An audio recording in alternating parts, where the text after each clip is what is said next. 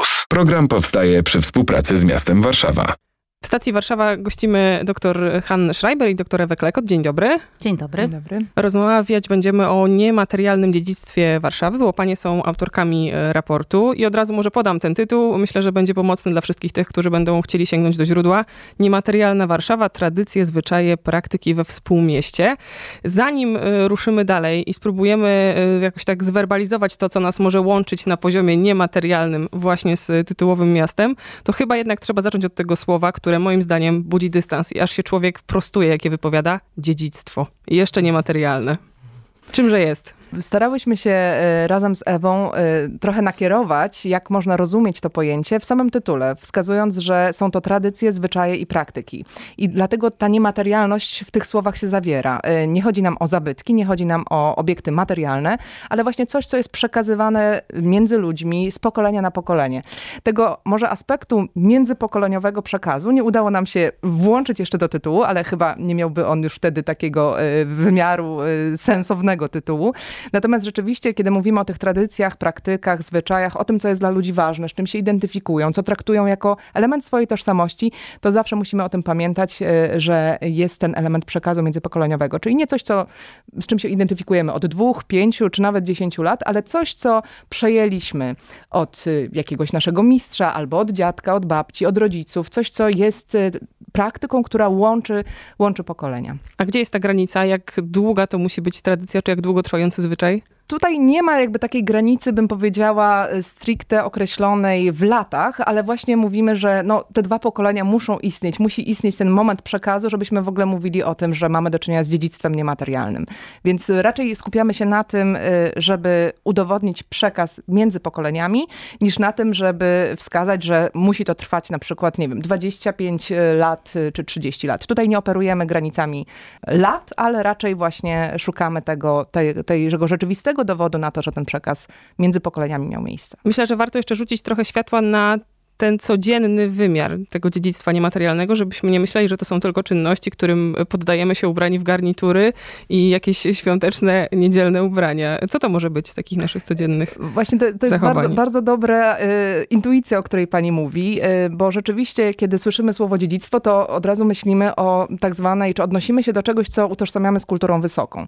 Tymczasem ta codzienny wymiar tych praktyk y, i tożsamościowy wymiar tych praktyk sprowadza nas na taki poziom właśnie może odgarniturowany. Poziom, w którym e, czujemy, że robimy to e, może w szlafroku, może na strychu, może w zupełnie nieformalnej przestrzeni, e, w zupełnie nieformalnym kontekście, ale dlatego, że jest to dla nas ważne. I teraz co to może być właśnie? Dlaczego użyłam słowa w szlafroku albo na strychu? Od razu wracam myślami do, do różnego rodzaju praktyk, które na przykład związane są z naszym pierwszym wpisem na listę dziedzictwa niematerialnego UNESCO, czyli szopkarstwa krakowskiego. Czyli właśnie tradycji budowania szopki, która która jest budowana w różnych rodzinach w Krakowie na przykład.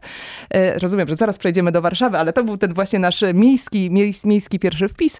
E, I te budowanie tej szopki odbywa się przy stole kuchennym, czy właśnie na strychu, czy w garażu, w zupełnie nieformalnym stroju. E, więc, mm, ale ludzie potrafią się w to zaangażować całym swoim sercem, z całą swoją pasją, właśnie dlatego, że czują, że chcą y, to robić, że jest to dla nich ważne, że jest to coś, co łączy y, ich z ich szerszym y, kontekstem społecznym, z ich rodziną, z ich przyjaciółmi, więc tak, zdecydowanie odgarnitorowywujemy tutaj to pojęcie dziedzictwa. Myślę, że kiedy słuchacze słyszą, że w Krakowie coś robią, to już natychmiast tak. mają listę tego, co my robimy w Warszawie, tak. więc co robimy, to można podciągnąć pod hasło niematerialne dziedzictwo stolicy. Myślę, że przede wszystkim trzeba pamiętać o tym, że mm, Warszawa jest miastem, w którym ciągłość pokoleniowa e, no, została przerwana.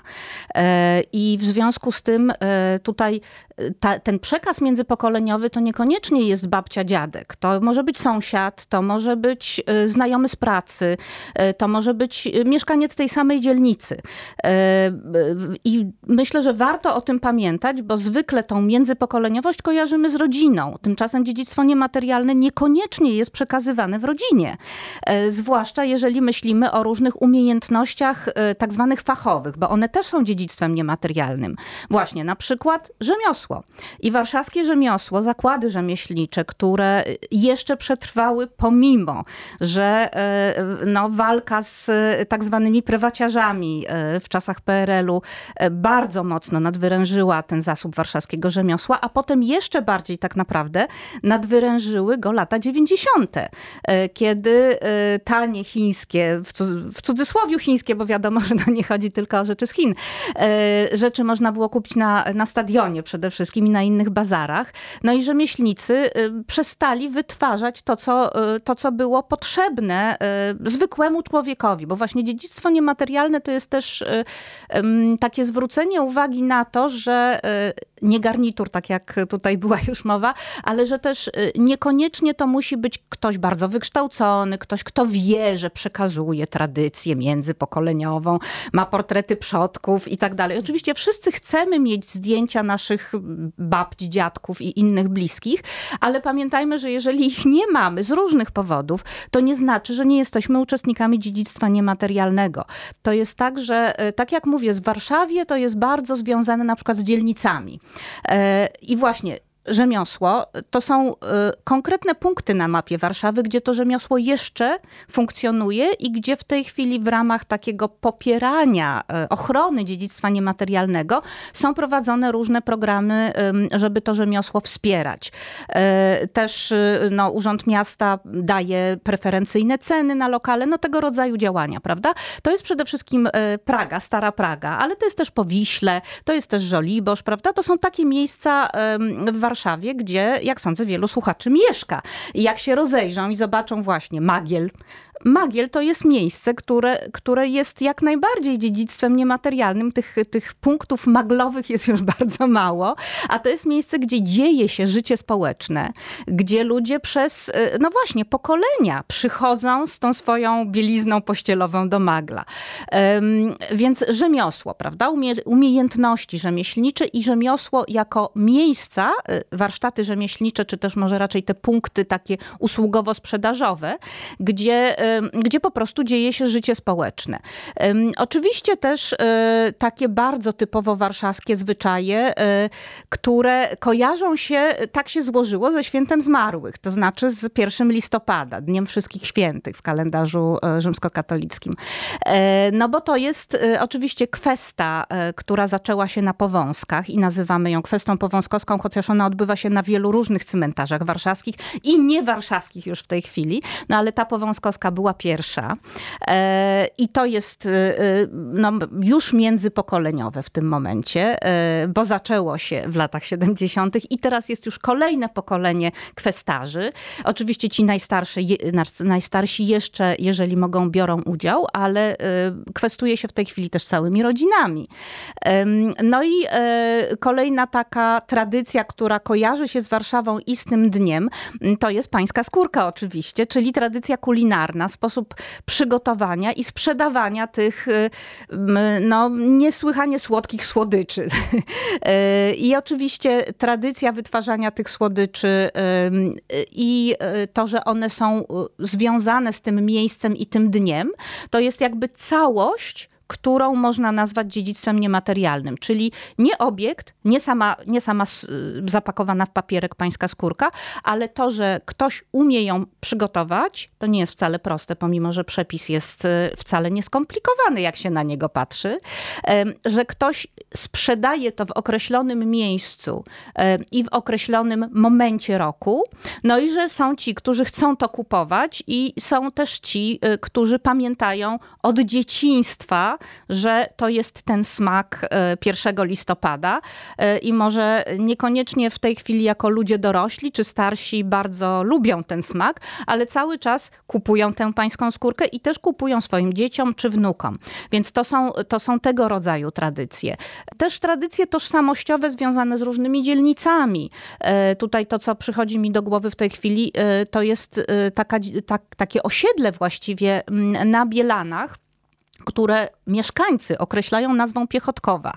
E, to jest osiedle, które powstało e, po II wojnie światowej e, w ramach rozbudowy, przebudowy i odbudowy miasta. Zostało zaprojektowane przez dwójkę architektów, to znaczy no, oni byli głównymi projektantami, oczywiście cała, całe przedsięwzięcie wymagało udziału znacznie większego zespołu, ale oni byli tymi głównymi architektami. No i od ich nazwiska mieszkańcy nazywają tę swoją e, część e, dzielnicy, czyli, czyli osiedle. Powstały z inicjatywy mieszkańców murale upamiętniające właśnie państwa piechotków. Oni oboje już e, nie żyją. Natomiast też oni są takimi postaciami, które dobrze uosabiają to, co w Warszawie jest też bardzo ważną częścią dziedzictwa niematerialnego. To znaczy oboje mieli powstańczą przeszłość.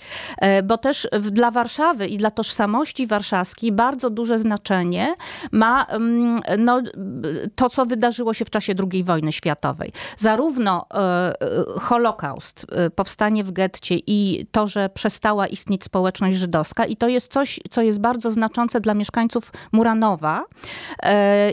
Przede wszystkim, ale nie tylko.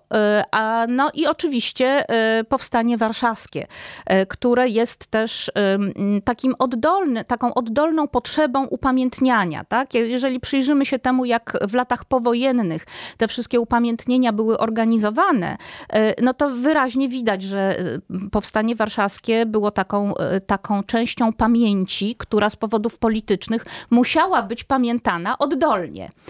I to jest właśnie dziedzictwo niematerialne. Panie piszą w raporcie o mieście Feniksie i mieście bohaterskiej ofierze.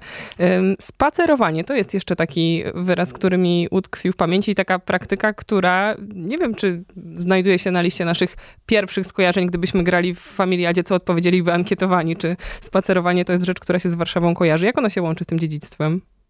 No ona się łączy w, na parę różnych sposobów. Znaczy, po pierwsze, e, spacerowanie po własnym osiedlu i własnej dzielnicy e, to jest coś, co nas zadomawia.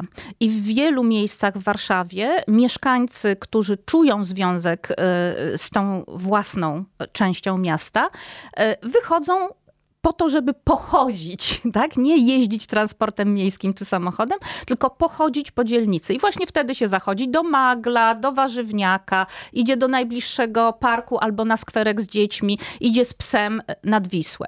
E, więc to jest takie, takie życie na poziomie osiedlowo-dzielnicowym i spacerowanie jest bardzo ważną częścią. I teraz w to spacerowanie wpisuje się też ta pamięć II wojny światowej bardzo często. Tak jak powiedziałam, dla mieszkańców Muranowa to jest spacer y, śladami y, tych, y, znaczy szlakiem upamiętnień, tak? śladami tego, co tam się wydarzało. To są też spacery właśnie nie tylko po mojej dzielnicy, ale też spacery do innej dzielnicy, bo coś ciekawego, historycznego o niej się przeczytało. Czyli to chodzenie po mieście to jest e, fizyczne zapamiętywanie miejsca, w którym jesteśmy, a to jest budowanie tożsamości. To znaczy, jeżeli mam w ciele wiedzę, e, czym jest moje miasto, no to jestem częścią tego miasta, jestem częścią tego miasta fizycznie. Do tego chyba jeszcze też taki aspekt osiedlowości, jak y, lokalne zakupy na bazarach, lokalne cukiernie, piekarnie warszawskie znane zdecydowanie, też Zdecydowanie tak, y, chociaż y, oczywiście też tutaj należy wspomnieć, że w Warszawie jest dużo takich miejsc, które są ponadosiedlowe, cukiernie zwłaszcza. Cukiernie warszawskie to jest coś, co jest bardzo istotną częścią tradycji kulinarnej warszawskiej. No i są takie cukiernie, które istnieją już wystarczająco długo, żeby mogły być miejscem przekazu międzypokoleniowego, e, no i do których e, w określonych momentach roku e, ustawiają się ogromnie długie kolejki. Powinnyśmy dodać jeszcze do tego chociażby y, muzykę warszawską, ale boję się, że nie starczy nam czasu i sport, na który pewnie też nie starczy nam czasu, ale chciałabym jeszcze wrócić y, znowu do dziedzictwa, y, bo to jest też takie słowo, które kojarzy nam się z różnego rodzaju zakresami ochrony, listami, dokumentami, które regulują to, jak się z dziedzictwem obchodzić. I teraz, czy ktoś ochroni, no chociażby, nie wiem, piosenki śpiewane przez kapele czerniakowskie, albo nasze spacerowanie po Warszawie? No właśnie, tutaj jest chyba dobry moment, żeby, żeby mm, wskazać y, początek tych naszych badań y, i jak y, zaczęliśmy identyfikować to dziedzictwo niematerialne w Warszawie właśnie po to, żeby je chronić, żeby uświadomić mieszkańcom jego wartość, jego znaczenie i to, że można je nazwać właśnie dziedzictwem niematerialnym po to, żeby, żeby je wspomóc, y, czasami upowszechnić wiedzę o jego znaczeniu dla mieszkańców. Prowadziłyśmy te badania dzięki temu, że też jesteśmy członkiniami zespołu do spraw niematerialnego dziedzictwa kulturowego Warszawy, który został powołany przy prezydencie miasta. Współpracujemy bardzo ściśle z Biurem Kultury y, Urzędu Miasta Warszawy mamy do czynienia ze wspaniałą grupą właśnie pasjonatów y, takich tematów, jak tutaj wspomniane już y, chociażby tradycje kulinarne czy, czy tradycje muzyczne. I chciałabym zachęcić wszystkich naszych słuchaczy do tego, żeby odnaleźli dłuższe materiały filmowe, które pod egidą naszego zespołu i pod przewodnictwem profesora Jacka Leociaka już zostały wyprodukowane, czyli pierwszy film z cyklu Niematerialna Warszawa, właśnie poświęcony tangu warszawskiego i tradycjom muzycznym. Ten film e, ma za swojego narratora Janka Młynarskiego. Bez zaskoczeń. Bez zaskoczeń, prawda? Lidera warszawskiego kombatanecznego. A drugi film, który właśnie się ukazał e, tuż przed świętami w ramach tego nastroju przygotowań e, kulinarnych, e, dotyczy właśnie warszawskich tradycji kulinarnych i tam mamy wspaniałego narratora Jurka Majewskiego, który, który opowiada właśnie o tych i przedwojennych, i powojennych, i współczesnych tradycjach kulinarnych Warszawy. Więc zdajemy sobie sprawę z ograniczeń czasowych audycji, ale tych materiałów, do których możemy odesłać naszych słuchaczy, słuchaczy już mamy filmowych y, i popularyzatorskich całkiem sporo. No i właśnie też wspomniana tutaj przez Ewę y, kwestia powązkowska, którą chcemy mm, zgłosić y, jako być może pierwszy wniosek mm, na krajową listę dziedzictwa niematerialnego. Bo kiedy my mówimy o ochronie, to my musimy pomyśleć o tym, że jest to zasadnicza zmiana w stosunku do zabytków. Y, kiedy zabytki chronimy poprzez konserwację, poprzez y, działania takie ingerujące w fizyczną tkankę zabytku, to tutaj mamy do czynienia z ludzką y, tożsamością, mamy do czynienia z praktyką, z czymś, co dla ludzi jest ważne, więc jedyny sposób ochrony, czyli zachowania tego dla kolejnego pokolenia, to jest edukacja nieformalna głównie, czasami może ona przybrać e, formę edukacji formalnej, ale właśnie wspieranie tego poprzez, e, wspieranie tego przekazu międzypokoleniowego, czyli, czyli nacisk na tą edukowa edukowanie o tej wartości.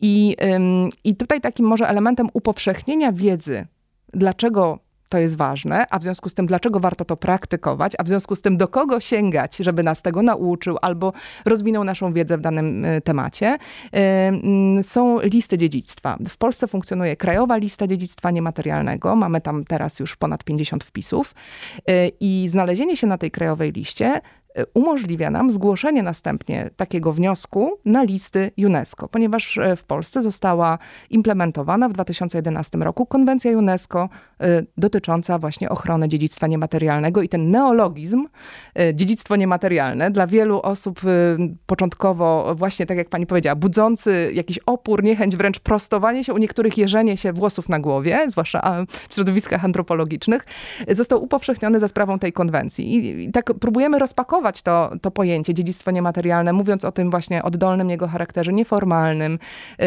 o, o tym przekazie międzypokoleniowym i wydaje mi się, że tutaj chyba ta nasza dyskusja zmierza być może ku, ku takiemu podziałowi garnitur kontra magiel.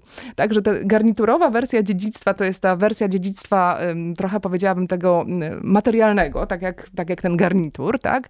I, I maglowa wersja, e, ale taka właśnie sympatyczna, bliska, e, bardzo mocno ulokowana w tożsamości dzielnicowej, osiedlowej, e, lokalnej, w której mówimy o, o praktykach, które łączą ludzi.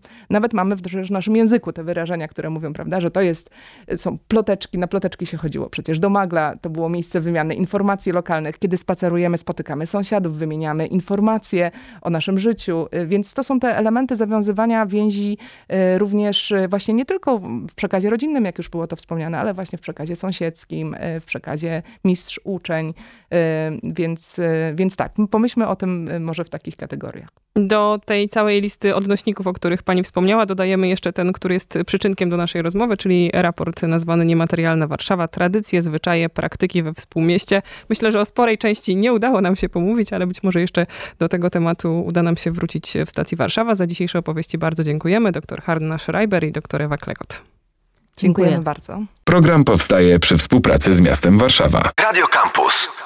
Same sztosy.